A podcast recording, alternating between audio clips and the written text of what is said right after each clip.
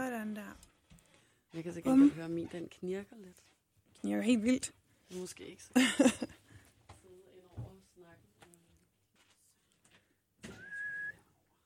Ja. Okay. Ja. Hello. Mm-hmm. så ligner sådan en lille dreng. Se, sporet går der her. Ja. Ved ikke, vil du have det der gigantiske headset på, eller vil du bare Nej, sidde det plejer uden? jeg ikke Nej. Jeg tænkte faktisk først og fremmest på, sådan, du har jo lavet, jeg ved ikke, hvor mange interviews efterhånden, og øhm, hvad er egentlig det vigtigste for dig, når du skal interviews? Eller sådan, kan du godt gå ind og være nervøs inden Jeg et er interview? lidt nervøs. Er du ikke? Nej. Jeg skal jo svare på ting, der handler om mig selv, og jeg ved jo godt, hvad der omhandler mig. Eller, eller jeg ved ikke. Nej, det er der ikke. Nej, det har jeg da ikke tænkt over, Mm. at man kunne være. Eller det ved jeg jo. Det, tror, det er mange år siden, jeg har været nervøs. det er meget. Jamen, det er fordi, jeg bare sådan tænkte over, at jeg sidder jo altid i den anden stol. Det har jo været mit liv i 13 år, så jeg tror ikke, jeg har...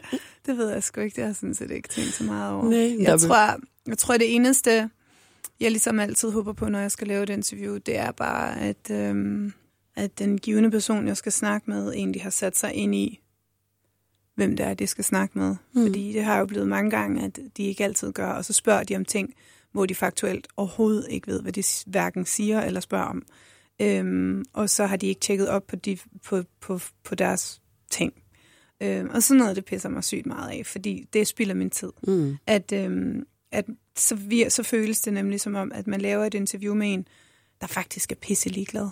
Og det får man bare sjældent noget særligt positivt ud af. Det kan jeg godt forestille mig.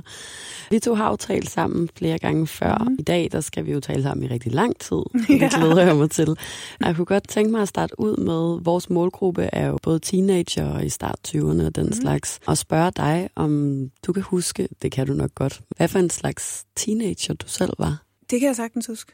Jeg sad faktisk og fortalte Malo i går om, dengang jeg arbejdede i en skaterbutik. um, jeg var ikke skater, men uh, skatetøjet var sejt dengang. Det var det år, hvor 9-11 skete. Fordi jeg stod i butikken, og der var et fjernsyn oppe i hjørnet, kan Ja. jeg huske. Der stod Oscar og jeg og så det på fjernsyn, og det var helt vildt. Fordi vi stod der alene i butikken, og der var ingen kunder, og så følte vi, at vi ligesom stod med den der information alene. og Sådan, Mm. what's happening? I vores skatetøj øh, og var unge. Det var, øh, som teenager var jeg, mm, ja, hvordan var jeg egentlig? Jeg var, jeg føler ikke selv, jeg var den populære, men, men jeg havde nogle veninder, der ligesom var det.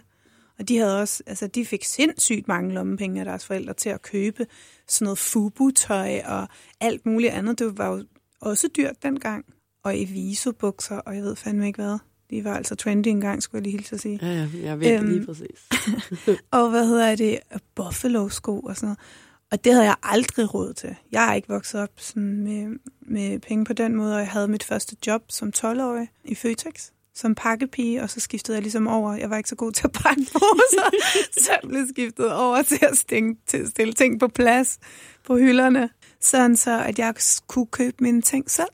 Og det var også derfor, at jeg ligesom begyndte at lære at sy. Brugte min mors symaskine, og hun havde altid stof liggende og sådan noget. Det var, ikke, det var sgu ikke det pæneste stof, det må jeg sige, men jeg brugte det til at sy ting, der lignede noget fra de butikker, jeg gerne ville købe ting fra. Så på den måde kunne jeg følge en lille smule med. Men jeg så sgu nok lidt sjov ud, tror jeg, hvis jeg tænker tilbage. Det var nok ikke en af de sådan modmæssigt mest heldige tider. Men alligevel, jeg skilte mig ud allerede dengang.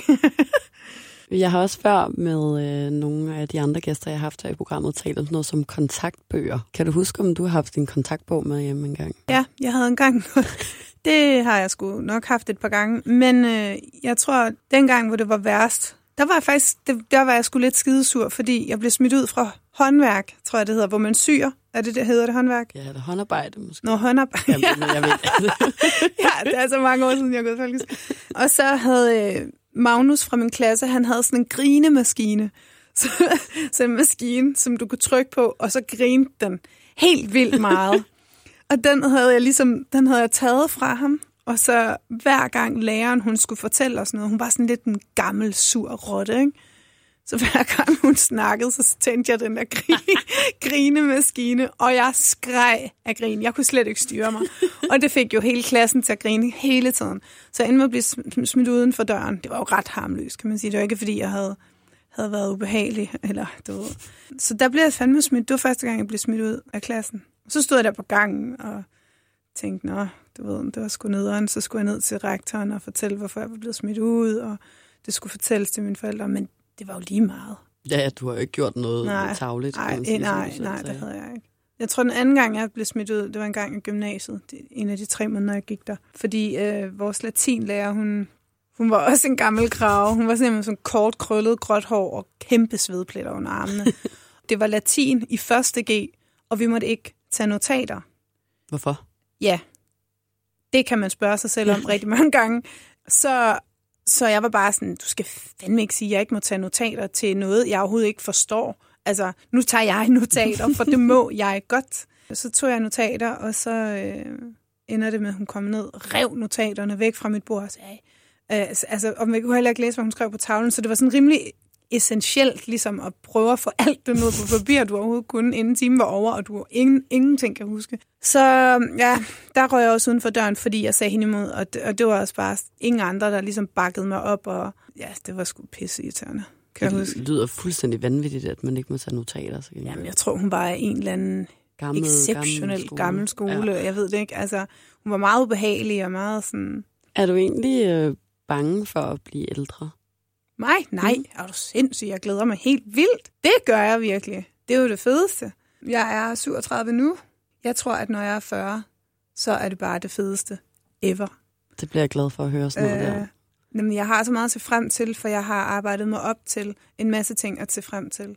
Og jeg, jeg, jeg kommer direkte fra et andet interview øh, lige nu her, hvor vi faktisk præcist snakkede om, hvor meget jeg glæder mig hver eneste dag til at mm. stå op til mit arbejde. Jeg glæder mig altid til mandag. Helt vildt. Og det gør jeg jo, fordi jeg, jeg laver ting, jeg elsker, jeg laver noget, jeg virkelig godt kan lide, og betyder noget for mig, og noget, der gør en forskel i større eller mindre grad øh, for nogen, eller for mange, eller for mig, og min familie, og den familie, jeg skal stifte på sigt. Og altså, du ved, alle de ting, der følger med. Her over jule holidays, der glædede jeg mig bare Altså, jeg var ved at springe i luften over alt stod stille. Jeg ville bare gerne have, at nu var juleferien slut, så jeg kunne komme i gang. Mm. Jeg glædede mig så meget. Og 1. januar havde jeg min manager i røret for at spørge, hvornår at han var tilbage på arbejde. Ikke? Og det, det siger jo bare alt om, at jeg virkelig elsker det at gøre. Og min mission er at gøre en hel masse ting nu, som øh, har en stor effekt resten af mit liv, og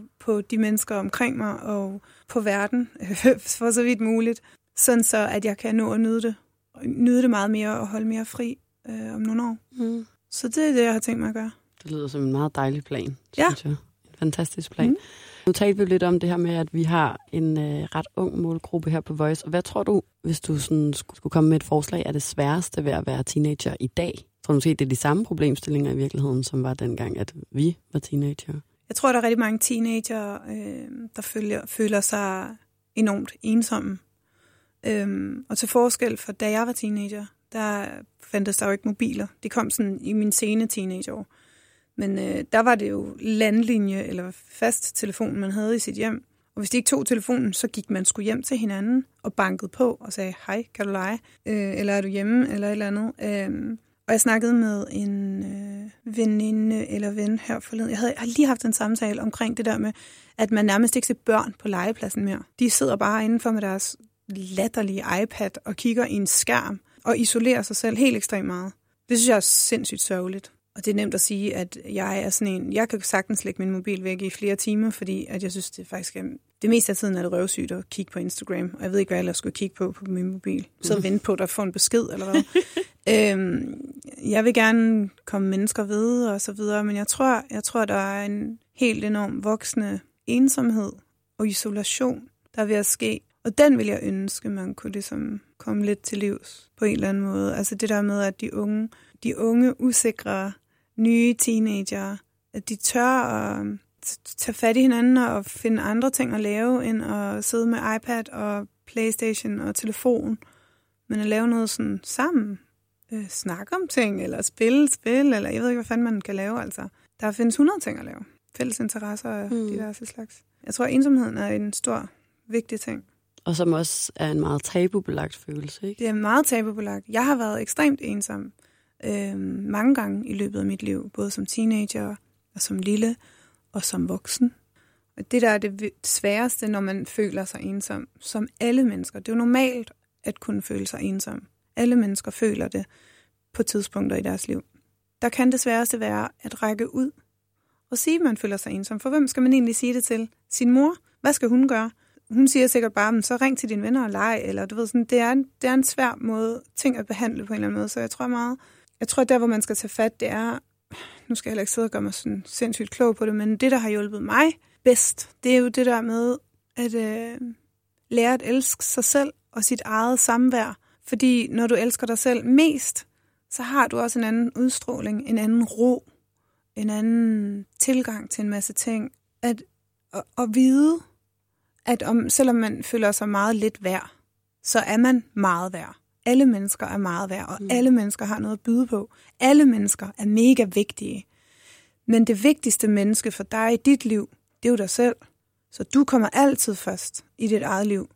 Så du skal altid elske dig selv mest. Du skal altid øh, holde af dig selv mest. Du skal altid affinde dig med dine egne små dæmoner mest. Du skal alt med dig selv mest. Men den dag, du kan finde ud af at takle de ting, der kan du takle verden meget bedre, fordi så er din tilgang meget sundere og meget kærligere og meget øh, mere afslappet på en eller anden måde. Ikke? Så jeg tror, jeg tror, det er ligesom, at der man skal starte, det der med at lære de unge, og bare elske sig selv helt vildt og vide, at de er noget værd.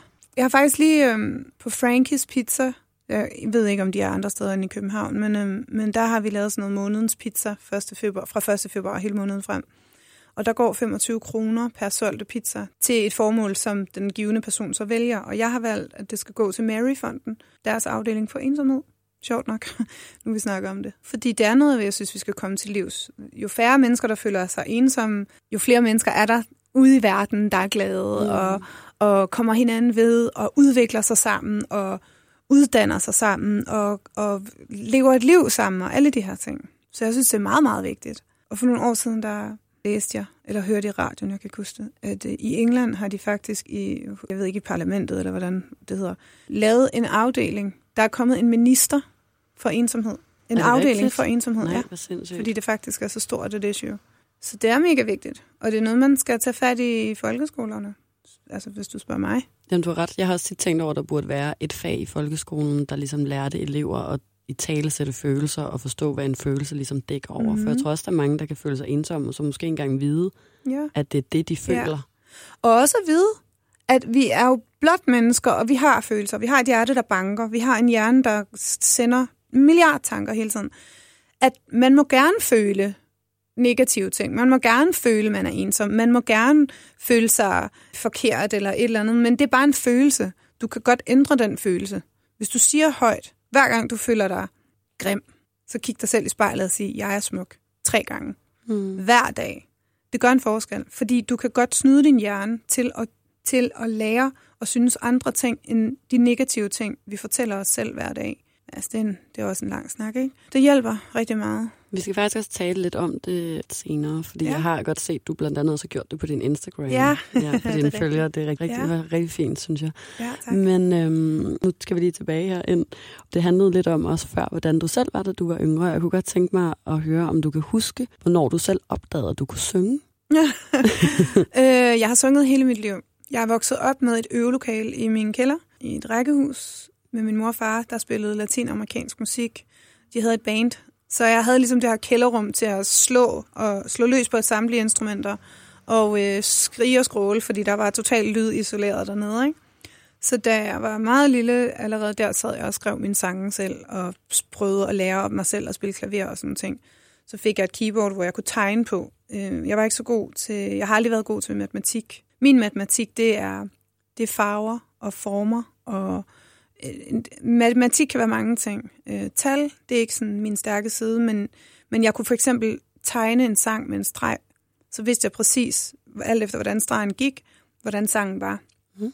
Og så havde, brugte jeg i stedet for akkorder, så farvede jeg med farver på mit keyboard der. Og det var sådan, jeg lærte, sådan så det, så det for mig. Og så har jeg, jeg tror, første gang jeg gik til noget, der havde med sang at gøre, det var nok den gang, jeg gik til kor. Jeg gik mm. i sådan en børnekor. Jeg kan ikke huske, hvor gammel jeg var. Nej. Ikke så gammel. Matematik er også for mig det sværeste i næsten hele verden, tror jeg. så det er ret sjovt, hvordan andre mennesker også har haft problemer med det, men at du så har kunne lære dig selv på en anden måde. Ja, jeg snakkede med, med mange af mine øh, musikerkollegaer om det sådan faktisk. Det der med sådan, hvordan alle, de, de fleste musikere har en eller anden anden kode til, hvordan de ser musikken. Mm. Der var en, han, han så øh, altid, øh, jeg tror det var C-akkorden, den, den var altid lilla for ham. Sådan, akkorderne havde, så der, der er tit mange, der har dem i farver, Mm. eller i, øh, i firkanter, eller trekanter, eller cirkler, altså du ved, sådan mærkelige former. Så vi har alle sammen vores mærkelige ting inde i, hvordan vi ser musik, eller hører musik, eller sådan, Mm. føler musik. Det er meget interessant egentlig. Hvad Mm. har du så også en farve for C-akkorden, for eksempel? Nej, jeg har ikke farver for ting, men jeg, kan, jeg har det sådan i... I streger? Ja.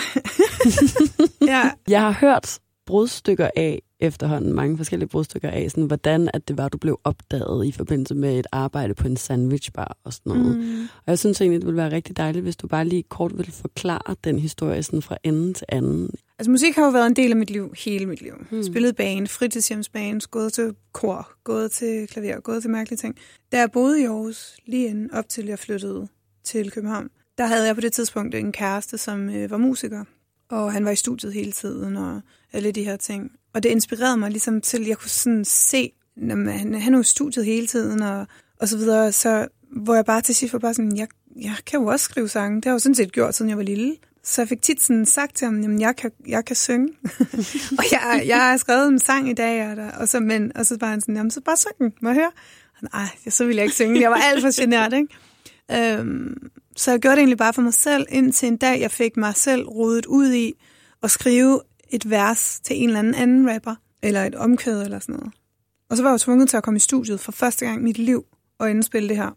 Og jeg var så nervøs, jeg kunne næsten ikke engang få en lyd ud af min hals, fordi den spændte fuldstændig sammen. Og jeg rystede helt vildt.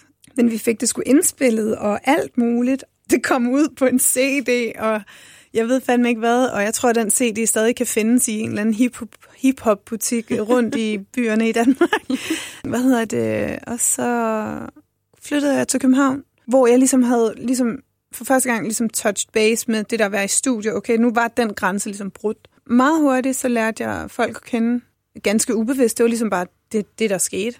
Der havde adgang til studier og så videre. Så jeg øh, kom hurtigt i studiet og, og begyndte at skrive sange øh, selv. Vælge beats og sådan noget, som jeg godt kunne lide. Og efterhånden så, så mødte jeg en, øh, så mødte jeg en, der tog mig ind, kan man sige. Og vi prøvede at finde et artistnavn, og vi arbejdede i nogle år på en lyd og så videre. Så skete der ikke rigtig så meget, fordi det var en meget distinkt lyd, vi havde. Og han, det gik lidt i stå der, fordi han sagde, at han øh, gerne ville have, at det blev signet. Ville ikke arbejde videre, før det blev signet, det vi havde lavet. Mm. Hvor i min verden, der er det sådan, men det er jo fedt at lave musik, skal vi ikke bare blive ved, du ved. Så da der var andre muligheder, der ligesom bød sig på at komme i studiet, mm, så ville jeg gerne det, for jeg synes, det var så fedt øh, og interessant og lærerigt også, og noget, der virkelig drev min energi meget. Så det gik sådan lidt i, i, i sig selv, det der, øh, desværre. Og så mødte jeg, så arbejdede jeg så på Vesterbro i en sandwichbutik, hvor jeg mødte Rasmus og Jeppe, som hedder Providers, som jeg signet hos den dag i dag, sammen med Thomas, min manager. Mm.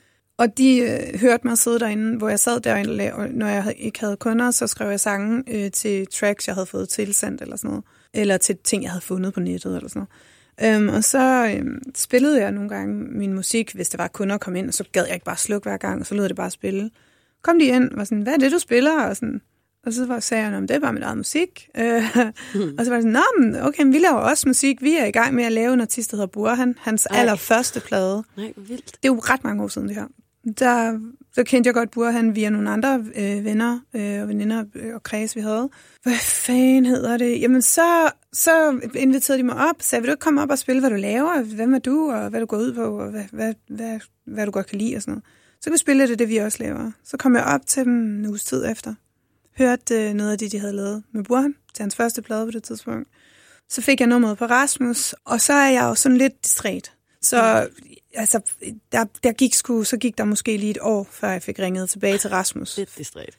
Ja, øhm, jeg ved det ikke. Det, der, får, det, der, tiden løber fra mig nogle gange. øhm, og så, øh, jamen, så ringede jeg tilbage og sagde, at jeg tror måske, jeg er klar.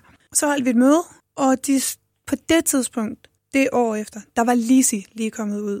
Blev ramt i natten, den sang der, hvis øh, nogen kender den. Mm-hmm. Det var, oh, det var jo kæmpe, kæmpe, kæmpe stort, det hit det år. Øh, hvis ikke det største, det tror jeg faktisk, det var.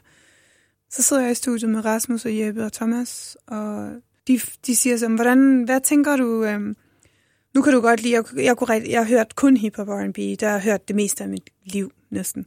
Det var sådan det, jeg gerne ville lave, og, og så videre. Og hvordan jeg ville måske have det med at, at lave det på dansk. Så satte jeg bare hele med det samme, jeg skal, jeg skal fandme ikke lave dansk musik. Det lyder dansk sprog, det er så grimt, der er meget sådan og k, altså sådan meget sådan, sådan rigtigt. Altså, prøv at sige det eneste. Remolade. Ej, okay, nu er der også en grimme, jeg finder, men du ved, det var bare sådan, jeg kunne slet ikke forestille mig at synge. Det var, det var så langt fra det, jeg havde forestillet mig, jeg skulle. Fordi jeg skulle bare ud og lave engelsk musik og blive til en verdensstjerne med det samme. Mm. øhm, så var jeg sådan, nej, det skal jeg godt nok ikke, og det er ikke det, jeg har tænkt mig. Og så kan du ikke lige tænke lige over det, og så videre. Og så sidder jeg i bussen på vej hjem. Der boede jeg i Hellerup på Aurehøjvej i en lejlighed. Så sidder jeg i bussen på vej hjem, og så inde i mit... Oh, nu lyder det helt spacey, men inde i mit hoved, det var sådan, jeg sad bagerst i bussen, så begyndte der at spille så sådan et symfoniorkester og noget klaver og en helt rundgang fik jeg sådan ind i hovedet. Og så begyndte jeg sådan at nynne en eller anden dansk, et, dan, et omkvæd på dansk. øhm, og så da jeg kom hjem, så sad jeg så, jeg havde stjålet en diktafon hjemme fra min mor, øh, sådan så jeg kunne optage ting nogle gange, og hun brugte den ikke alligevel. Jeg tror ikke engang, hun ved, at jeg har taget den. så sad jeg med den der diktafon og optog min første danske sang, der hedder Alene, som er på mit første album, der hedder Tæt på, hedder Tæt på. Mm. Det gør det jo stadig. Det var min første danske sang. Og øh, så, gik, så skrev jeg den der sang, ringede til Rasmus og Jeppe dagen efter og sagde, jeg ved godt, jeg sagde, at jeg aldrig vil lave dansk, men, men øh, jeg har været vågen hele natten, og jeg har skrevet en dansk sang. Og det skete bare. Altså, jeg kan slet ikke engang forklare, for det var slet ikke det, jeg ville. Om det netop sådan, det skete. Øh, det var slet ikke det, jeg ville. Men øh, skal vi ikke prøve at indspille den? Så kom jeg i studiet ugen efter og indspillede den. Og det er en kæmpe ballade. Altså, ja, du ved, det er, hvad det er, men det var i hvert fald en ballade. Og så tre måneder senere, så havde jeg et helt album.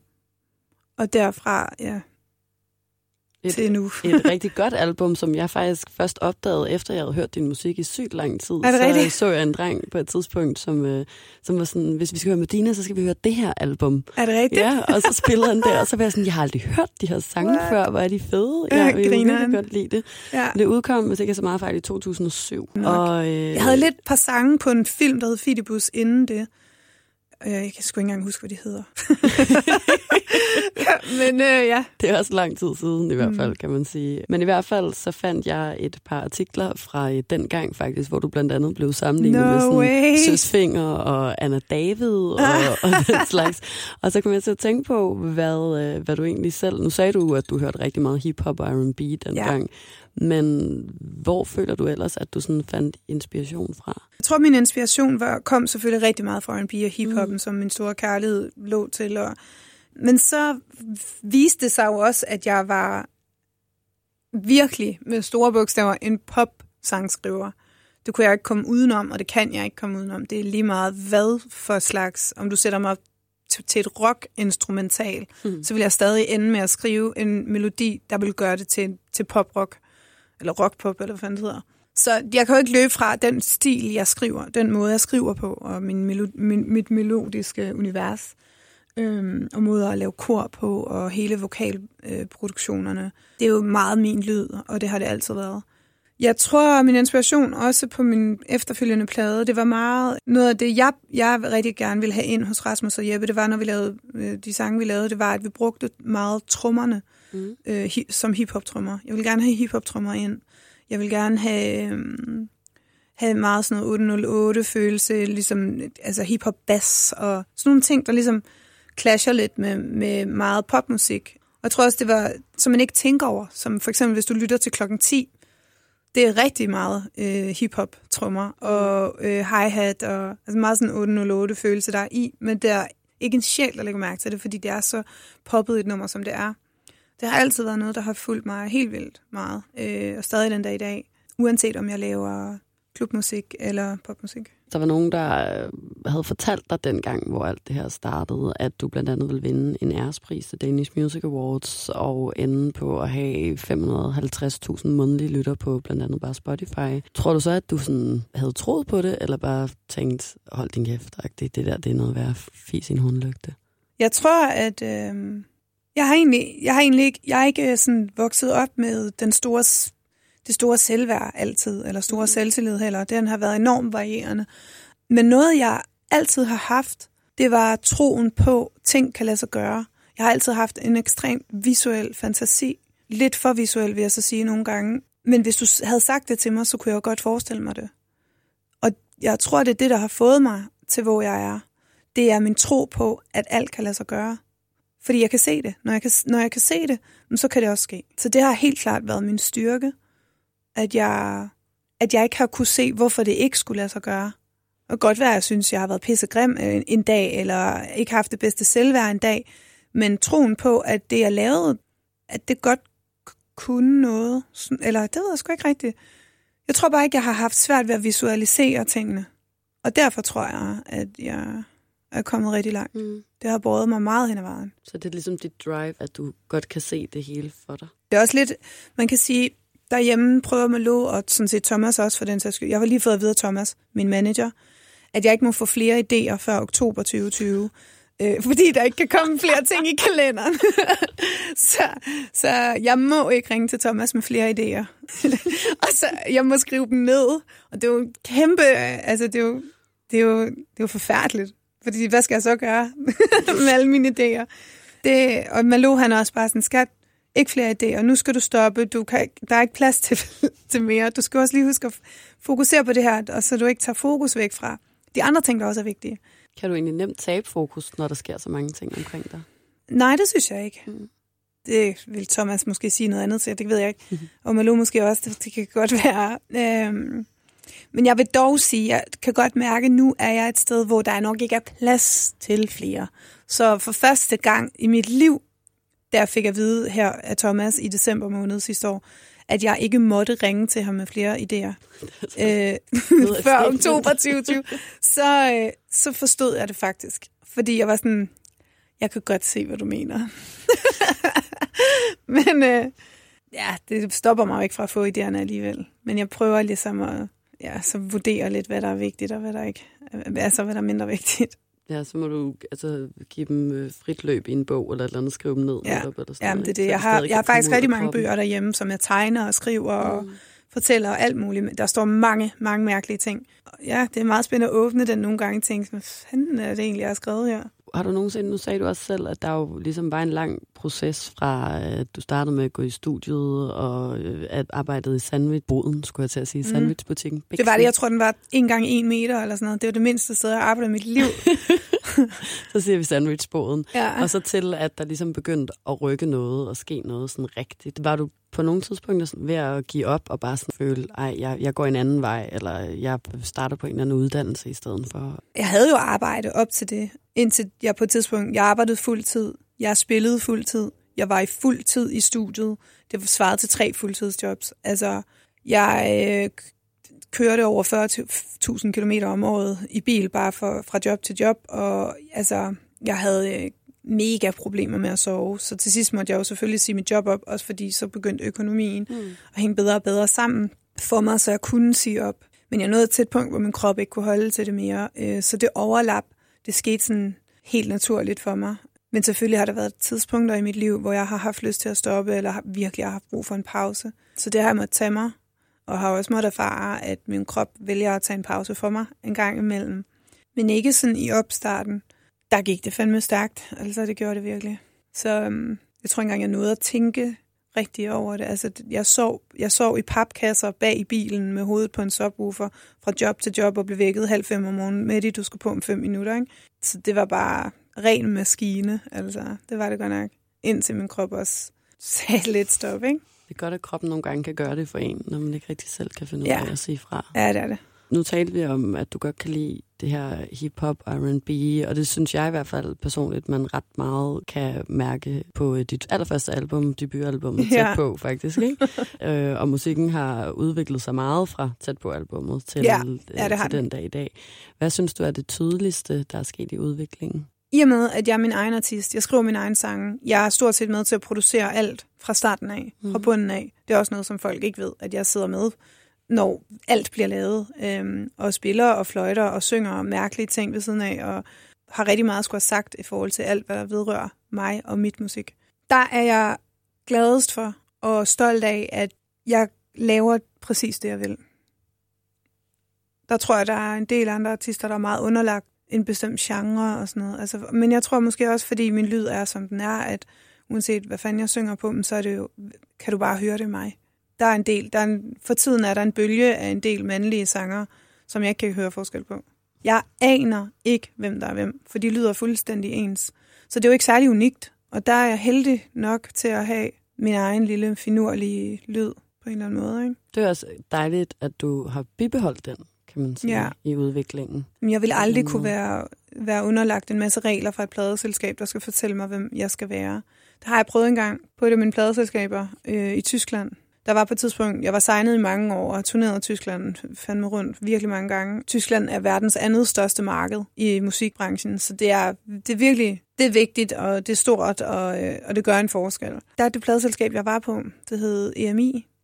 Det blev opkøbt af et andet pladeselskab. Og da det skete, så var det ligesom nogle nye folk, der kom på mig og så videre. Og de nye folk, de havde ikke rigtig...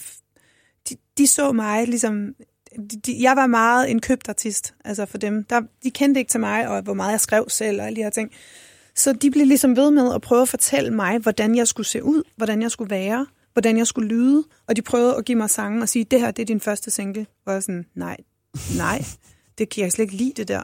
Og det blev de ved med, og ved med, og ved med. Indtil at de sagde, vi lukker dig fuldstændig ned, hvis ikke du gør, som vi siger. Og alt, hvad jeg kom med til dem, det var de bare sådan, "Men det er jo ikke, det er ikke sådan, du skal lyde. Det er ikke godt nok. Det er ikke godt nok. Du er ikke god nok nu. Du, det er ikke godt nok mere. Kom med noget, der er mere det her, mere det her, mere det her.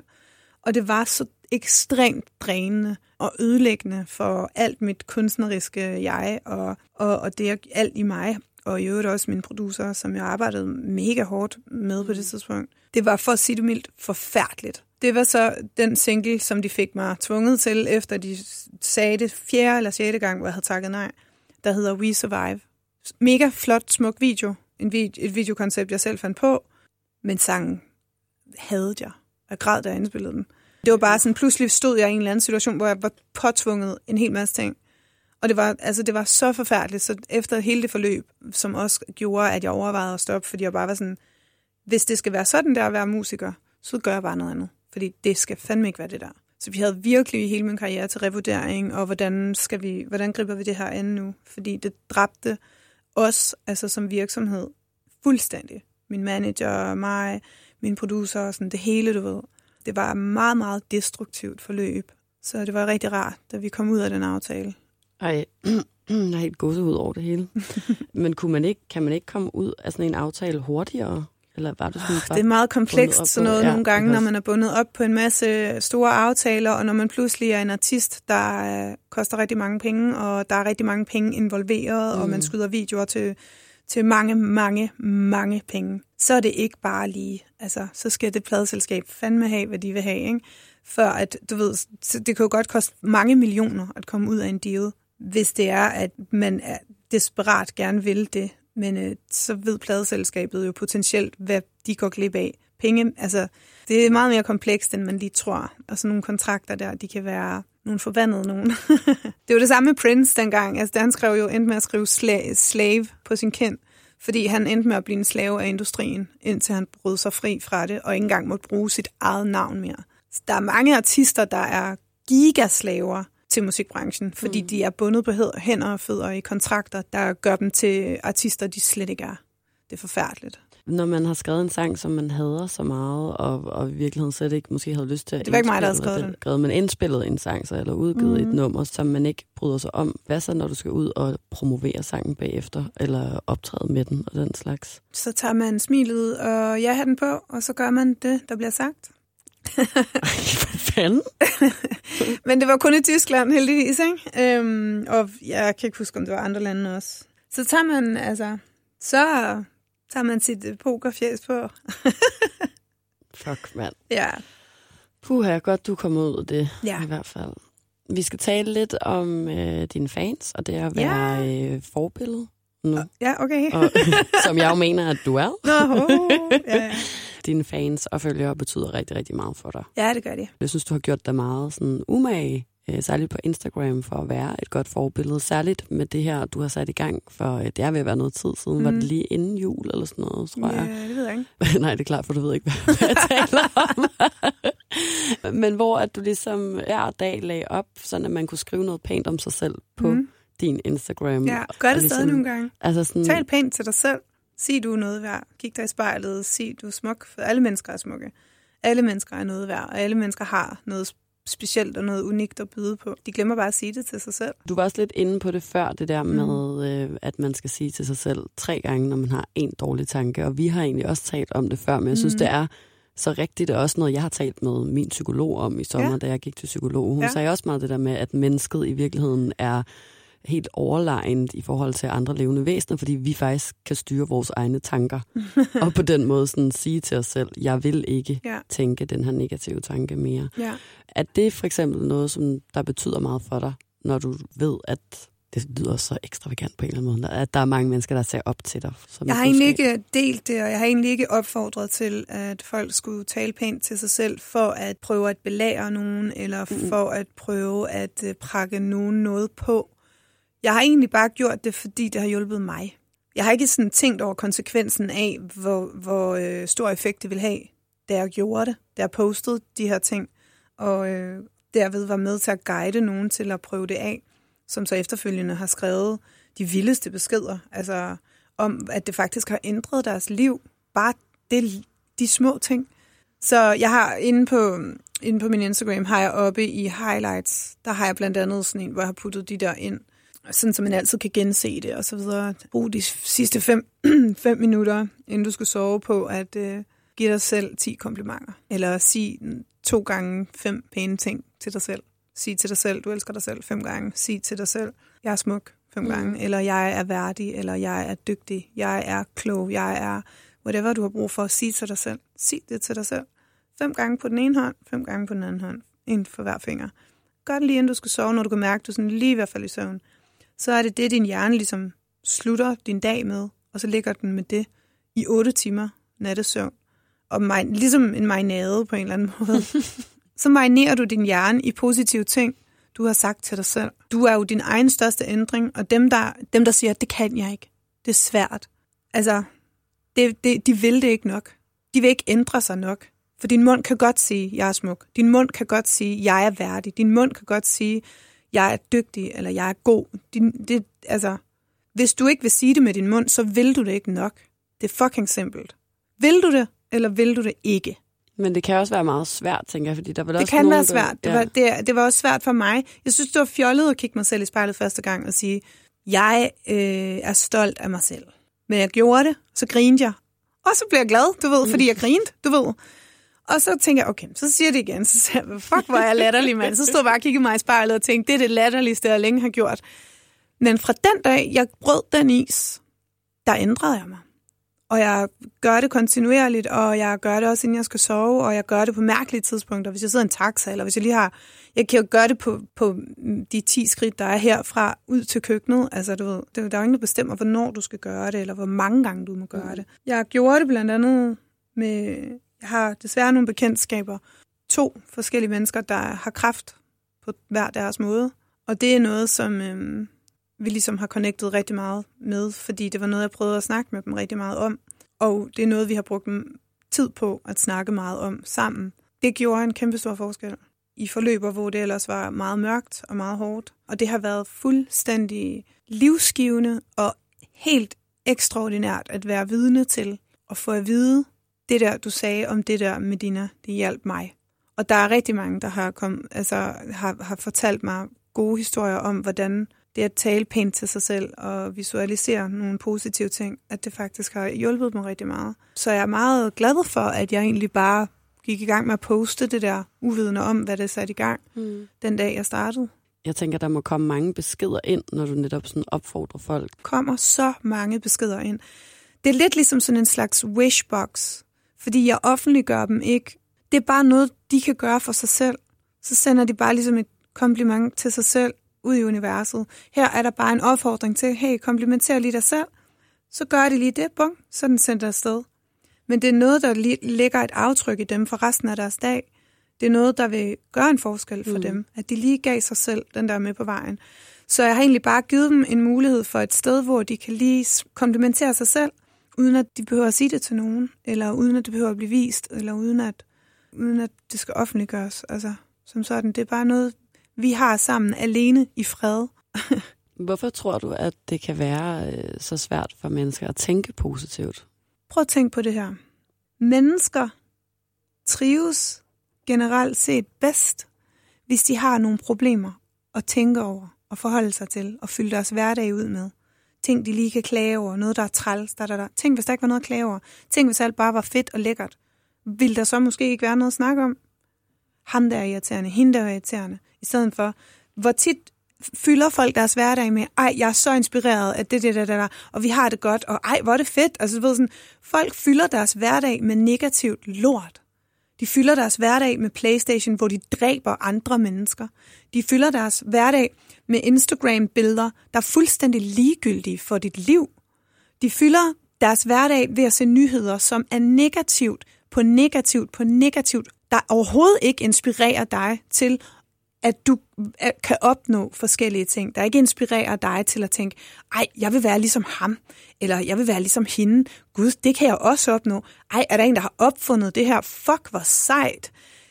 Jeg følger kun positive news, fordi at negative news, de er overalt alligevel. Alle snakker om det konstant, men jeg gider ikke fylde mit liv med det. For mig er det vigtigt at fylde mit liv med, øh, med positiv information, der løfter mig og gør mig til et bedre menneske. Og i øvrigt fylder min hverdag med inspiration, kærlighed og positiv energi. For jeg vælger hver eneste dag, når jeg vågner, hvad for en energi jeg vil putte i mit liv. Lad os sige, hvis du behandler mig dårligt, at du øh, siger noget negativt til mig, eller behandler mig dårligt, så er det op til mig, om jeg skal lade dig påvirke mig. Jeg skal bestemme. Jeg bestemmer selv. Jeg tager stilling til, helt ubevidst, hvor meget du skal fylde min hverdag. Skal du have lov til at ødelægge min dag i dag, bare fordi du hælder lort på mig? Det er, det er et valg, vi bliver stillet over for hver evig eneste dag. I mange, mange, mange situationer. Menneskers energier. Folk, der står ved siden af en eller anden, der stresser i køen. Det gider jeg simpelthen ikke bruge min energi på at blive sur over. Fordi det er dem og deres energi. Det behøver jeg ikke at lade mig påvirke af. Så det er det der med at være mere bevidst om, skal det der virkelig påvirke mig, eller skal det ikke påvirke mig? Skal det have lov til at ødelægge min dag, som egentlig var meget god? Og nu ligger du der, eller står der, eller hænger der og siger et eller andet, som jeg faktisk ikke engang kan bruge til noget. Du ved, har det noget med mig at gøre? Nej, det har det ikke. Videre. Altså sådan, vi har et aktivt valg hver dag, hvad vi vil fylde vores dag ud med. Det er rigtigt. Meget rigtigt. Og apropos det, så øh, er øh, antallet herhjemme blandt unge mennesker, der har depressioner og angst og den slags, også tredoblet siden år 2000. Ja. Tænker du, at det har noget med det, du lige har talt om ja, 100 her faktisk at gøre? procent. 100 milliarder, 1000 procent, hvis man overhovedet kan sige det tal. Ja, det tror jeg. Og det er jo derfor, at vi som mennesker, lige meget hvor ung du er, så kan du godt forstå mine ord, jeg siger lige nu. Du har selv et valg hver dag om, hvad du vil fylde din hverdag ud med.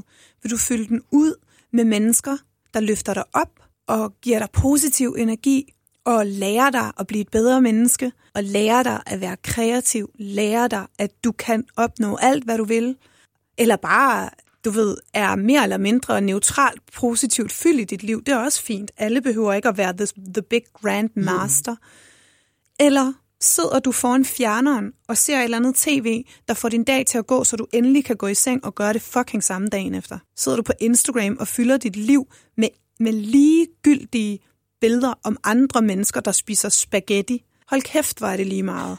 Jamen, det er jo, det er jo lidt komisk, fordi det er ja. så sørgeligt. Du vælger selv hver dag, hvad du vil fylde dit liv med. Positiv eller negativ. Og man kan så sige, der findes også desværre masser af børn og unge, der ikke trives i deres egne hjem. Og det er en helt anden snak. Men når man sidder i situationer, hvor man er i lort til halsen på forskellige måder, jeg har været der, jeg har været der rigtig, rigtig meget, så har man altså kun sig selv. Du har dig selv. Og den dag, du bare lærer at gå helt ind i dig selv og elske dig selv, der kan dit mindset ændre sig på rigtig mange punkter. Men tal pænt til dig selv. Fortæl dig selv, at du er mega meget værd, fordi det er du. Det skal handle lidt om dit tekstunivers nu, og øh, du har samlet over 400 millioner streams på dine sange. Det er rigtig, rigtig mange. 400 millioner? 400 millioner, oh, ja. ja. Nej, 400 streams. Nå, en halv milliard cirka. Og øh, hvordan vil du selv beskrive dit tekstunivers? Mit tekstunivers har jo altid været øh, kærlighed lige op og ned, på godt og ondt. Men det, der er i mit tekstunivers, er, at jeg tit har brugt kærlighedsmetaforer, eller kærlighedstema, som metaforer for en masse andre problemstillinger, jeg har stået i i mit liv. Det er, bare, det er bare min måde at udtrykke mig på, for ikke at udpensle mit liv fuldstændig til, til pressen og til alle mulige andre, der lytter med. Ikke? Det har ligesom været min måde at forklare mig på tror jeg. Hvad er det vigtigste for dig, når du, når du skriver en sang, og det kommer til, til teksterne? Det vigtigste for mig, øh, det tror jeg sådan set bare er, at det betyder noget for mig, det jeg laver. At øh, enten at en, en lyd kan betyde mere for mig end teksten nogle gange, og, mm. men det får så teksten til at betyde det mere. Øh, og nogle gange er det teksten, det kan være alle mulige mærkelige ting ved en sang, der lige er det, der gør det for mig. Hvad håber du, at de mennesker, som lytter til musikken, får ud af det? Jeg skriver aldrig musik i håb om, at, øh, om noget. Altså, mm. jeg skriver bare min musik, og så forholder jeg mig til det, der sker, når det bliver udgivet. Ud fra, fra meget dejlige fans, der enten vender tilbage og fortæller, at der virkelig ramte noget i dem, eller har hjulpet dem igennem svære tider og, og alle de her ting. Jeg har jo efterhånden været i branchen i mange år, og det der med at erfare at være soundtrack til folks liv, det er jo altså, det er, jo, det er jo helt vildt fantastisk. Altså, det er jo ret stort. Noget, jeg er enormt stolt af, at, at kunne sige, at jeg har fået at vide et par gange efterhånden nu. Det rører mig meget. Men jeg skriver ikke sange for at røre andre. Mm. Jeg skriver sange, fordi hvis jeg ikke gør det, så, så er det ligesom at sige til mig, at jeg ikke må trække vejret. Det er mit outlet på en eller anden måde. Der er andre, de går til boksning for at få, deres energiudladning der, eller sådan, du ved, og nogen gør nogle andre ting, altså stresser af ved at gå til svømning, eller gå op på et bjerg og skrige, eller jeg ved ikke, hvad fanden folk de gør vel. Men det er bare mit frirum til at føle. Jeg er meget sensitiv, så jeg tror, at det er ligesom, det er mit outlet. Hvad, hvad får du selv ud af at lytte til musik, som andre mennesker har lavet? Jeg skal være helt ærlig og sige, at øh, jeg lytter til jazz og klassisk musik derhjemme. Det er det. Og det har det faktisk været rigtig mange år, så det er tit, Thomas, min manager, bliver sindssyg, fordi han kommer med referencer og bare sådan, jeg ved ikke engang, hvem det er. Nej. And I couldn't care less. Så det der med sådan at følge med i, hvad der sker på scenen derude, af musikscenerne og radio og alle de der ting, jeg har ikke en fløjtende anelse om, hvad der foregår. Jeg laver bare mit eget musik med lyde, jeg godt kan lide, og skriver, skriver mine tekster hvad hedder det, jeg kan godt lide at høre jazz og klassisk musik. Øh, jeg hører egentlig også mange, meget jazz, hvor der er sang på, men jeg kan bare godt lide det, fordi det er lidt mere krøllet og lidt mere avanceret og lidt mere sådan, tager, tager mine følelser et andet sted hen, end hvis jeg sætter radio til. Kan det også være, nu sagde du godt nok, at der er tekst på, øh, på noget af det musik, du hører, men jeg tænker også ellers, at der også findes meget sådan klassisk musik og jazz, hvor der ikke er så meget ja, tekst på. Ja, meget, rigtig meget. Og at det, kan det måske også give en form for ro, eller at man ikke skal tage stilling til, til teksten, når der er tekst på. Sådan kan jeg i hvert fald have det. Ja. At, at jeg nogle gange mest bare har brug for at høre noget elektronisk musik, hvor der mm. ikke er Mhm. nogen, der synger, fordi Præcis. så kan jeg bare sådan være i mit eget hoved, uden at skal blive draget Præcis. ind i også det, din egen kreativitet får lov til at udfolde sig, i stedet for at der er ord, der fortæller dig, nu skal du føle dig ked af det, fordi den her sang er ked af det. Nu, og nu er vi glade. Åh, oh, du ved, altså hver sang har et eller andet, en eller anden stærk følelse i sig, fordi alle sange, der bliver udgivet, de har jo en stærk følelse hver især. Og det er sgu bare lidt for mange inputs til hjernen nogle gange. Altså, det er sgu rart, at der kan, vi også lige kan få lov at slukke den en gang imellem, mm. og bare være, og bare øh, få vores egen hjerne til ligesom at, at tage over, øh, i stedet for, at vi skal blive fortalt, hvordan vi skal have det. Og apropos sange og ja, de tekstunivers og den slags, så kan jeg godt tænke mig, og, fordi du netop også er så god til sådan visuelt at beskrive, hvordan foregår sådan en, en proces for dig fra, at du får en følelse eller en idé eller et eller andet, så noget du gerne vil skrive om, eller sådan, hvordan opstår det ind i dig, til at du har et færdigt produkt? Så er jeg tit med fra starten af, når vi starter med at lave tracket, beatet, finder en lækker lyd, spiller noget klaver eller noget guitar, eller en mærkelig lyd, der stikker ud på en sjov måde, eller sådan noget. Og så snart der er en fast rundgang, det vil sige øh, de akkorder, der bliver spillet i et vers, så er jeg som regel meget hurtig til at føle præcis, hvad der foregår i sangen. Jeg er meget, meget påvirket af musik, og det styrer mine følelser helt ekstremt meget. Og som jeg også sagde før, jeg er meget sensitiv, så jeg har måske jeg har ikke så svært ved at lukke mig ind i en følelse, som ikke nødvendigvis er noget, jeg har oplevet. Alle mine sange er ikke en til en ting, jeg har oplevet eller været igennem, men jeg kan føle det så stærkt, når jeg skriver det, at jeg sagtens kan græde ved at skrive en pissesørgelig sang, som jeg, som jeg slet, altså på et tidspunkt, hvor jeg har det godt, og slet ikke har oplevet det der, men jeg kan mærke det ind i min krop. Jeg kan se musikvideoen for mig, jeg kan se, hvordan den her person har det, og virkelig føle det. Og der har været tidspunkter i mit liv i forhold til min sensitivitet, hvor det har påvirket mig alt for meget. Altså de, alle de følelser, der sker, sådan, hvordan folk har det, og alt det der. Så det, er sådan, det har også ligesom været en proces for mig, at prøve at kontrollere det lidt, lidt bedre. Men er det så sådan, at du er i studiet, og så hører du nogle anslag eller nogle toner? Anslag? Eller, altså, mig sådan, jeg prøver at tale musiksprog. Det er måske i virkeligheden noget, man gør, når man skal have en hest i galop, tror jeg. Okay, det ved jeg ikke noget om. så hører du nogle, no, altså så hører du en, en tone eller, Ja. eller en lyd. Så jeg det, det, det er det, jeg mener, men en rundgang, det En rundgang, er... ja. Øh, Det er lydende. En rundgang, det er akkorder. Okay. Det vil sige, di, di, di, di, whatever. Det er den måde, musikken bliver spillet på, som har forskellige akkorder.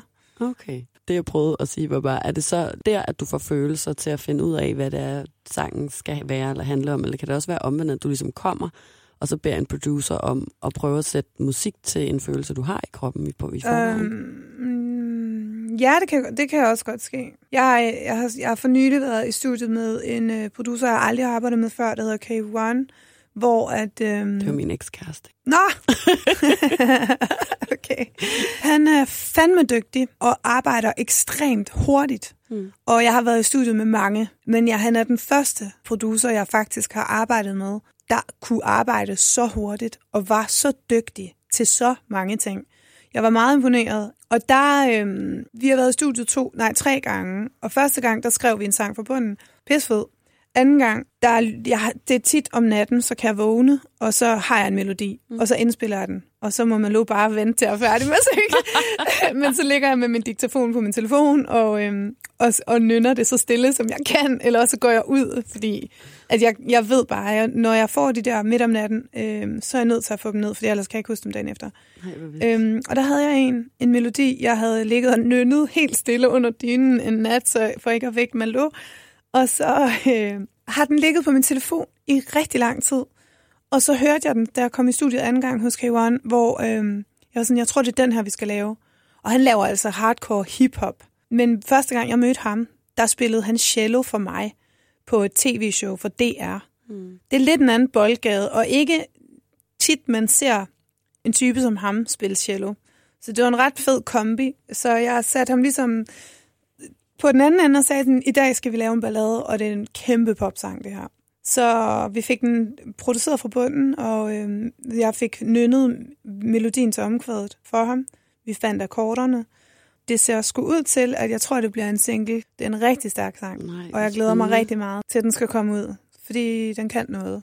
Den rammer Det er også et fantastisk en, altså sådan en lille sidehistorie, at du ligesom har fundet på melodien og ligget og, og nynnet den under dynen derhjemme.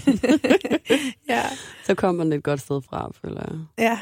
Nu talte du også meget om det her med, ja, at du er sensitiv, og at Ja. ja. musikken ligesom påvirker dig rigtig, rigtig meget. Har du noget musik eller nogle numre, som du øh, altså man vælger ikke at optræde med længere? Jeg har ikke, jeg har ikke et decideret nummer, jeg vælger ikke at optræde med mere, men øh, i og med, at jeg har så mange singler, som jeg har og har haft over årene, så kan jeg desværre ikke, for eksempel når jeg spiller festivaler, det er jo ikke os artister, der vælger, hvor lang tid vi spiller. Det er festivalerne, der bestemmer, hvor lang tid artisterne spiller, så vi er jo ligesom givet et tidsrum til at spille x antal sange. Mm. Så jeg er nødt til at pille sindssygt mange sange fra.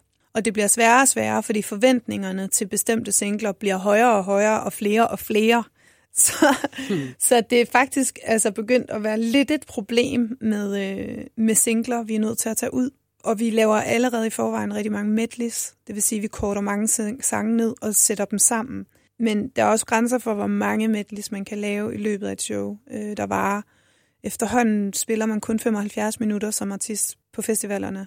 Det er sgu ikke så lang tid, når man er en artist som mig, der har singler til i hvert fald to timer. Ja, jeg skulle lige til at sige. Øhm, så desværre er der altid nogen, der bliver skuffet over, hvorfor spillede du ikke Rick? Der er rigtig mange, der siger Rick Ross, som ikke engang var en single, tror jeg, som var fra min første plade i 2007.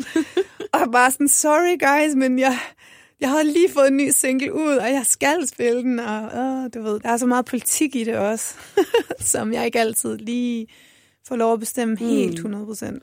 Jeg talte med Nick og og de var med i programmet, og de sagde, at der i hvert fald var sange, som de valgte ikke at spille forskellige steder, og nogle sange, der egnede sig bedre til andet. Blandt andet en dag tilbage, hvor de sådan, den spiller vi kun på det helt rigtige tidspunkt, når vi selv kan mærke, at vi kan spille den okay. inde i vores krop.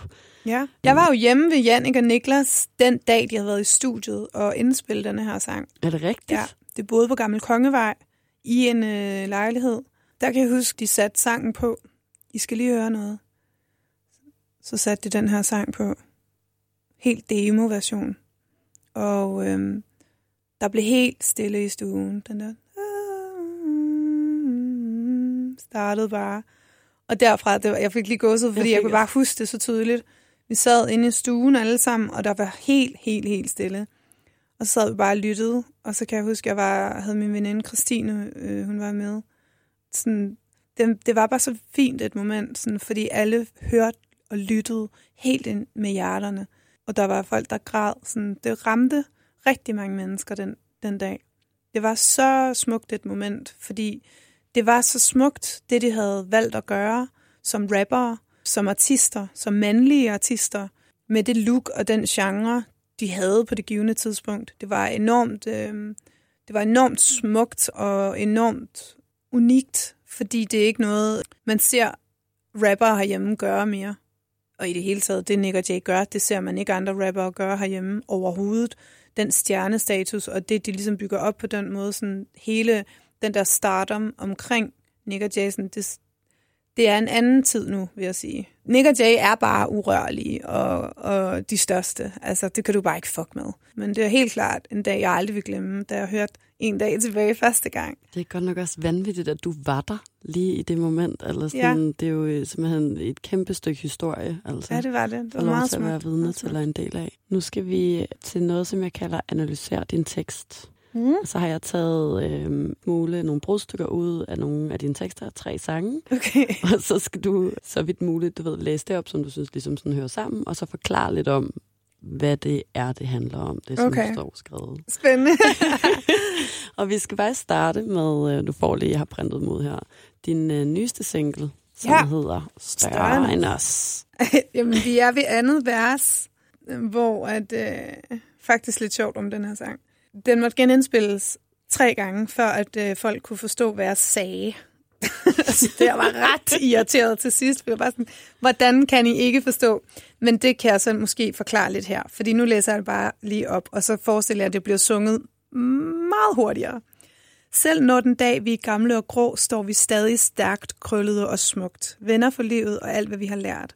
Og den er sådan, sælger den dag, vi er gamle og grå, står vi stadig stærkt, krøllet og smukt. Det er en meget krøllet sætning på en eller anden måde, sådan, og det kan godt være, fordi det er, det er sådan lidt anderledes tekst, at folk havde svært ved ligesom at forstå, hvad fanden jeg sang. Men den handler jo bare om, om et stærkt venskab, at, at øh, man sammen har krydset af i boksen, alle de ting, man ved, man skal som voksen, og gøre de her ting sammen, og de der ting, man aftaler, når man er små. Når jeg bliver stor, så skal jeg det, ja, vi skal alt muligt, vi skal verden rundt, og vi skal dit, og vi skal dat. Og der er dem, der får det gjort, og så er det dem, der ikke får det gjort. Og større end også er lidt en opsang til alle dem, der, er, der ikke får det gjort. At det er jo ikke for sent. Hvis du ikke er død, så er det ikke for sent. Afsted med dig. Hvad var det, jeg skulle egentlig? Det er præcis det, du sidder og gør, du okay, skulle. Det er, så, det er så perfekt. Øhm, så siger næste del så, ja, punkt for punkt er der kryds i boksen af ting, vi ville gøre som voksen. Og når vi dør, så har vi levet livet kært. Det er jo netop det der med at værdsætte sit liv. At udnytte de dage, vi får givet i vores liv, fordi du ved aldrig, hvornår det stopper. Det kan stoppe i senere i dag, eller i morgen, eller i overmorgen, eller om en uge, eller om 100 år. At det skulle bare så vigtigt, at du putter det positive ind, og ikke lade det negative tage dig ned. Mm. At du har, du har dit liv nu, for helvede. Gør noget ved det. Få det fedeste ud af det i verden. Arbejder du med det, du elsker? Gør du det, du elsker? Er du sammen med en, du elsker? Elsker du der, hvor du bor? Hvad, altså, stiller du dig bare tilfreds med 50 procent af det, du egentlig gerne ville? Er det nok? Du ved. Og så, så går den sådan ligesom over i broen. Vi har altid kunne lægge verden ned, fordi at ingenting kan knække os ud af kærlighed. Altid har vi sat det hele lidt på spil, for intet imellem mellem os er stort nok til at tage os ned. Det er jo bare den der kærlighed, man har, du ved, især børn, når de er små. Den er jo bare uendelig sådan, deres fantasi om, når vi bliver store, vi, har, vi kan lægge verden ned. Altså, der er jo intet, der er umuligt for dem. De ting, børn gør, når intet er umuligt, og når tankerne om intet er umuligt, og altså, de tænker jo ikke over, at noget kan være umuligt nogle gange, ikke? Og de tanker, det er jo bare så kærlighedsagtigt, sådan på en eller anden måde. Fordi det er jo kærlighed til sit eget liv. Et udtryk på kærlighed til ens eget liv om, når jeg bliver stor, så skal jeg være prinsesse. Jamen helt sikkert, go ahead, mand. Du skal da nok blive prinsesse, så. Men det er jo kærlighed om ønsket for sit eget liv. ja. Så har jeg en sang mere med her, og øh, det er faktisk øh, nok, hvis ikke mit yndlingsnummer. Nå, oh, oh. Har du glemt?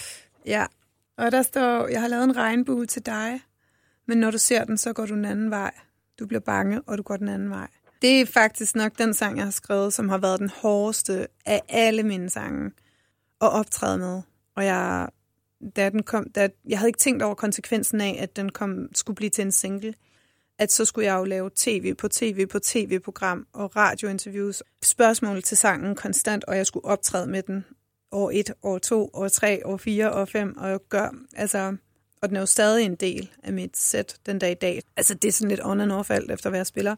Men det var en sang, der var meget hård for mig at skrive, fordi den handler om, den er skrevet til en person, som bare, øhm, som bare ligesom havde givet op i livet, og bare lod livet leve ham på en eller anden måde. Ikke?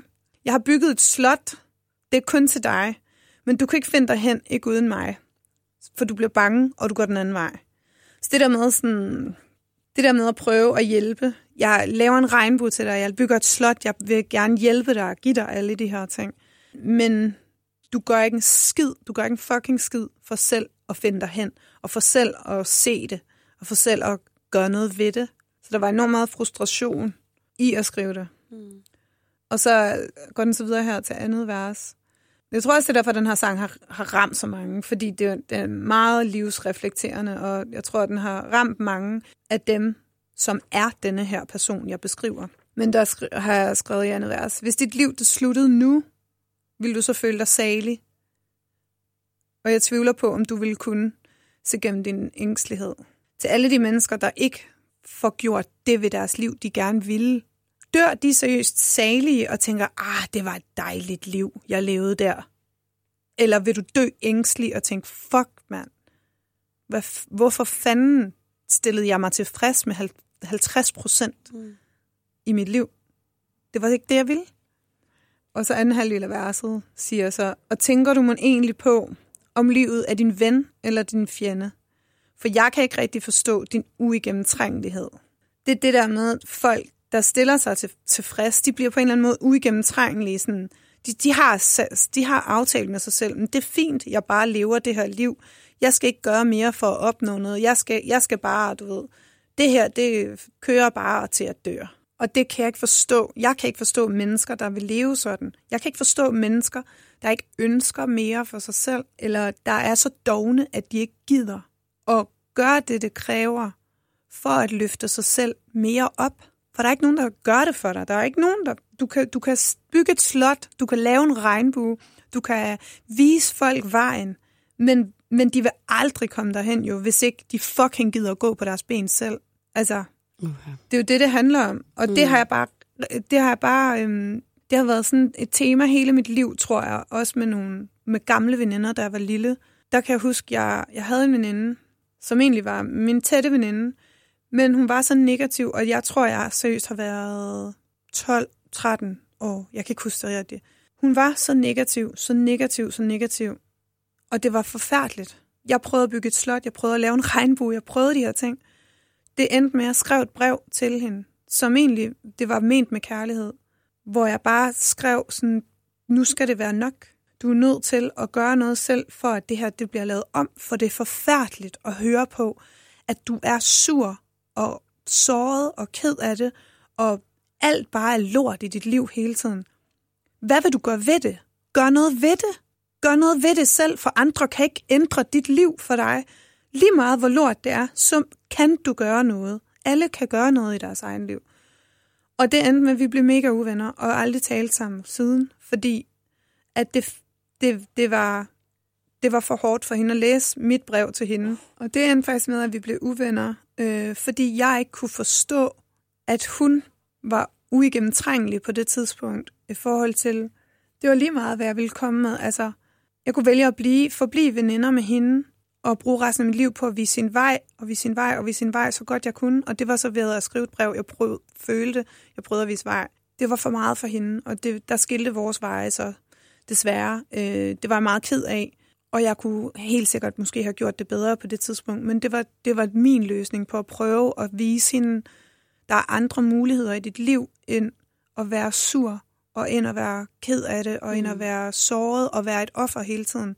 Du kan godt samle dig selv op. Det kan du godt, for jeg har også samlet mig selv op, da jeg var aller værst. Alle kan gøre det. Også dem, der siger, de ikke kan. Dem, der siger, de ikke kan, de vil det ikke nok.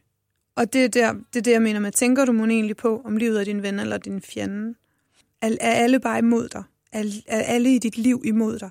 Er verden imod dig? Er universet imod dig? Eller bruger du din energi på at tænke, at det er din fjende? frem for at fokusere på de ting, der sker i løbet af din dag, som er venligt over for dig, som var rart. Og det kan være alt fra mad, der smagte godt, til en, der smilte til dig, til, til at du komplimenterer dig selv og selv vælger at putte positive ting i dit liv. Og så går den så videre til omkvæd, eller til et broen, der siger, har du glemt, hvordan det føles at smile? Har du glemt, hvordan det føles at grine? Har du glemt, hvordan du skal leve livet? Har du glemt det? Det siger nok mest bare sig selv, ikke? Stof til eftertanke. Meget. Det er næsten alt, hvad du har sagt i dag, synes jeg. det sidste, øh, som jeg gerne vil bede dig om gennemgå, det er den sang, der hedder Siger det ikke. Ja. Du kan bare, du er god til det, tænker jeg. Du tager den bare fra Den her sang er faktisk en, jeg skrev, hvad hedder det, sammen med Drew. Er det rigtigt? Ja. Som er en anden artist. Det er, jeg har været i studiet med hende to eller tre gange kun. Og jeg ved ikke, om det var første gang, vi var i studiet sammen nogensinde, at vi skrev den her. Og det er nok en af de sange, der mere er en sang, altså hvor at de andre to, vi lige har været igennem, sådan, der, der er fandme meget bag. Men hvor denne her, den er skrevet meget ud fra en følelse, der opstod, da Drew spillede det der guitar, mm. og øh, det hele ligesom kom, så, så, så bliver jeg hurtigt ramt af en følelse. Der er vi i andet vers. For hvert et skridt, du tager, går jeg mod et andet sted. Jeg ser, at alting i dig brænder, for jeg er det smukkeste, du ved. Så det er bare sådan lidt sådan en... Det, det er forkert at sige, at det er en hævngær sang, fordi det er egentlig ikke... Der er ikke noget hævn i det, men det der med sådan øh, en følelse af en, der er ligesom... Man er to forskellige steder nu, og man ved, at den anden kigger efter dig, mm. når du går forbi. Selvom man har en ny. Men jeg siger det ikke til nogen. Bare rolig. Jeg siger det ikke til nogen. Dit fucking skvat. og så siger brun dengang på vejen den dag ind i bilen, da du sagde, at vi er for evigt, det får du ikke tilbage. Og selv når du står og tror, at der er grønner der, hvor hun bor, så er hun stadig ikke mig, og mig får du ikke tilbage. Så man kan godt sige, at broen er måske en lille smule sådan, haha, du får mig ikke tilbage. Men den er, det er måske en sang til den her person, som kan tænke tilbage på en, og tænker, at det var sgu meget godt, det man havde, men fuck, hvor er det bare federe ikke at være her mere. Fordi der var alt det, det, det, det, det og det, ikke? Så det er sådan en, det er lidt hævnen til, til, hævnen til personen, der er kommet videre efter en hård omgang. tror jeg, jeg vil sige. og så omkvædet siger, når du tror, du har det bedst, så er det mig, du mangler allermest. Og vi ved det begge to. Men jeg siger det ikke til nogen. Og når du går på knæ for hende, så vil du ønske, at den hånd, du fik, at det var min. Og vi ved det begge to. Men jeg siger det ikke til nogen. Hele metaforen i det der med, det er lige meget, hvad du gør med hende, så ved jeg, at det er mig, du tænker på. Og du vil ønske, du vil fucking bare ønske, det var mig. Men så skulle du... Nå, og så vil sige, jeg også sige noget til. Men altså, sådan kan du bare ikke altid være. Nej, det er nemlig en, jeg, jeg følte den også sådan ret empowering. Ikke fordi jeg lige gik og havde sådan noget, jeg lige var kommet mig over, ja. eller sådan, men da den kom ud, jeg var alligevel... Det er sådan et glimt i øjet til sig selv. Ja, lige præcis. På et eller andet givet moment, ikke? Og det er så dejligt. Det er skønt det der med, at jeg siger det ikke til nogen. Ja. Den er nemlig sådan ret overlegen. Ja, den er også, det er også en lille smule nødladende på en måde. Men sådan, det er empowering på den måde, bare sådan, bare rolig du kan køre dit fucking show. Ja, det er faktisk fint med mig. Mm, ja, jeg siger det ikke til nogen. Jeg siger ikke til nogen, at, at jeg ved, at du stadig gør et eller andet i forhold til mig. Det er okay. Nu skal vi øh, til det sidste, inden mm. vi er færdige, og det er lytterspørgsmålene. Mm. Det, første det vidste jeg slet ikke, der var. Det er der nemlig. Fedt. Det første spørgsmål, det kommer fra øh, en, der hedder Sissel, og hun skriver, du er en kæmpe inspiration til mine egne tekster. Har du særlige linjer eller øh, stykker af en sang, som du er ekstra stolt over at have skrevet? Woo! En kæmpe en. Wow, gud. Ej, ej, ej, ej, det er sådan noget, så får jeg helt sådan mylder stress, my, mylder stress tanker, fordi så skal jeg pludselig huske alle mine tekster. er der noget, der skiller sig ud? Um, jeg tror ikke, jeg har deciderede sætninger, der lige står ud sådan lige nu. Så tror jeg, så, jeg tror, sådan en sang som Har du glemt, der var enormt svær at skrive. Jeg synes, den er godt skrevet. Øh, den sang, jeg er stolt af at have skrevet, fordi det er en sang, der, øh, der, der giver meget stof til eftertanke på forskellige måder til de forskellige mennesker. Jeg har ikke lige sådan en specifik ting, der stikker ud. Så er der en, der hedder øh, Simone Mathiasen, og hun spørger, hvilken af dine sange betyder mest for dig, og hvorfor? Jeg har ikke en sang, der betyder mest for mig. Øhm, det er et spørgsmål, jeg får meget, meget ofte. Og det har jeg ikke, fordi når jeg er ude at spille, der er det jo der, jeg mærker musikken rigtigt, kan man sige. Og det er også der, jeg mærker mit publikum. Øhm, så der kan være et show, hvor at jeg kan mærke, en sang påvirker størstedelen af mængden rigtig meget. Og dagen efter kan det være en anden sang, der påvirker størstedelen af mængden. Altså for eksempel en sang som Giv slip. Mm. Det er en sang, der kan påvirke folk til at græde fordi de giver slip, de føler vreden, de føler, nu giver jeg slip. Hvor at dagen efter kan jeg stå og spille den samme sang, og folk de hopper og danser i vildskab rundt. Nu giver jeg slip, slip, slip, og giver slip. Så det er sådan, for eksempel en sang, der virkelig sådan kan fylde hele følelsesspektret, alt efter hvilken by man er i. Den ene der kan elske at spille Giv slip den næste dag, så kan det være en anden sang, der, der hvor energien virkelig er. Ikke? Mm. Så jeg tror, altså jeg, igen det der med, at jeg er meget sensitiv, så, så for mig, der er det momentet, der er det lige nu og her, hvor jeg føler noget meget stærkt. Og alt efter, hvordan jeg selv har det og sådan noget. Jeg har ikke en favoritsang. Amalie Dags spørger, øh, hvad laver dit nye brand, du er ved at starte op? Og hvordan forbliver du positiv? er det så Elixir eller Sakina? Jeg tror næsten, det må være Sakina. Der er, ja. det. er det ikke det, der er det allernyeste? Jo, det kan da godt være. For helvede. øhm, Sakina er jo lige launchet, kan man sige. Og det er egentlig rimelig simpelt, hvad det er. Man kan bare gå ind og se, hvad det går ud på, men det er basically bare mit univers med det, jeg kan lide. Og det er det.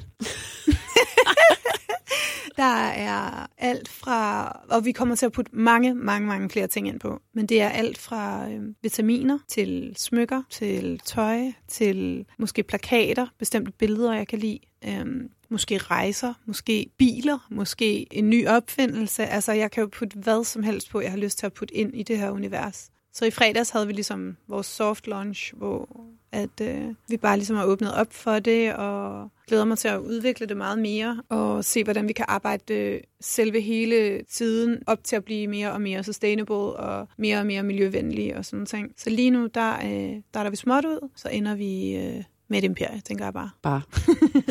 bare et imperie, tak. Måske.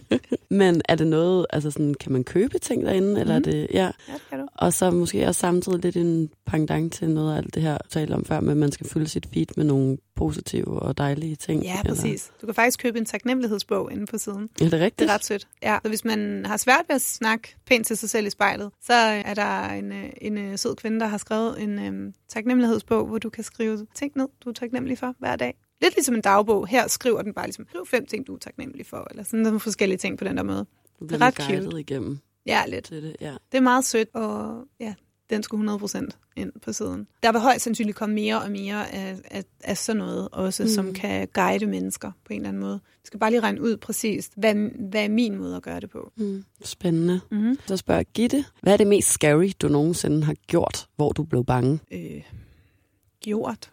Så ikke været ude for. Jeg tror, at det Gitte godt kunne tænke sig måske bare er en episode, hvor du har været rigtig bange. Om det så er, fordi du hoppede bungee jump, eller om du blev udsat for noget, hvor du blev virkelig Okay. forskrækket. Hmm. Øh, man kan sige, øh, noget af det mest scary, jeg har oplevet, det har været, at øh, det har været den første stalker, og den anden stalker. Ej, puha. øhm, uden at gå i for meget detaljer. Men øhm, jeg har for eksempel en situation nu med stalker nummer to, som indtil videre nu har brudt sit polititilhold. Jeg tror, hun er oppe på syv gange nu. Hun har været i mit hjem, øh, brudt ind i vores hjem. Vi kom hjem fra min kusines bryllup, hvor hun havde været i vores hus i rigtig mange timer og endevendt hele lejligheden. Hun lå i vores seng, iført mit tøj, øhm, og havde flyttet rundt på en masse ting. Og det, det er bare spidsen af kagen i den historie her. Hun er meget ubehagelig. Og den første stalker var en mand. Det varede i to år. To, Ej, det hvor forfærdeligt. Ja. Fuck, mand. Det er ret scary, øhm, og er helt sikkert ikke noget, vi skal fylde programmet med nu. Men øh, det er meget hyggeligt at have mennesker, der er utilregnelige, der ikke vil en godt.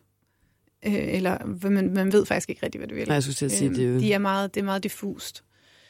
Det er mennesker, jeg ønsker, får det godt, sådan så at de øh, stopper. Klart.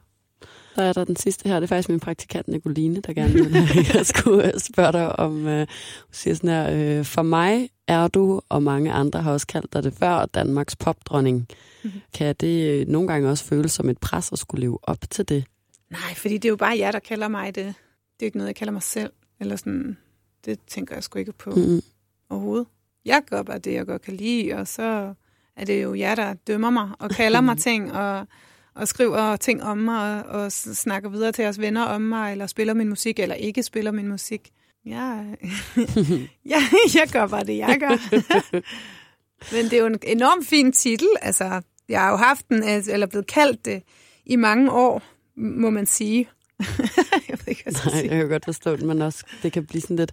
Nå, men prøv at høre, det var faktisk også det sidste spørgsmål, jeg havde til dig. Popdronningsspørgsmålet. Tusind tak, fordi du havde lyst til at være med. Selv tak, det er mig, der takker. Det var en øh, lang omgang. Ja, Mega hyggeligt. Og rart også at få lov til at snakke om øh, andet end bare overfladiske ting. Det er jeg rigtig glad for, at du havde lyst til os. Ja, selvfølgelig.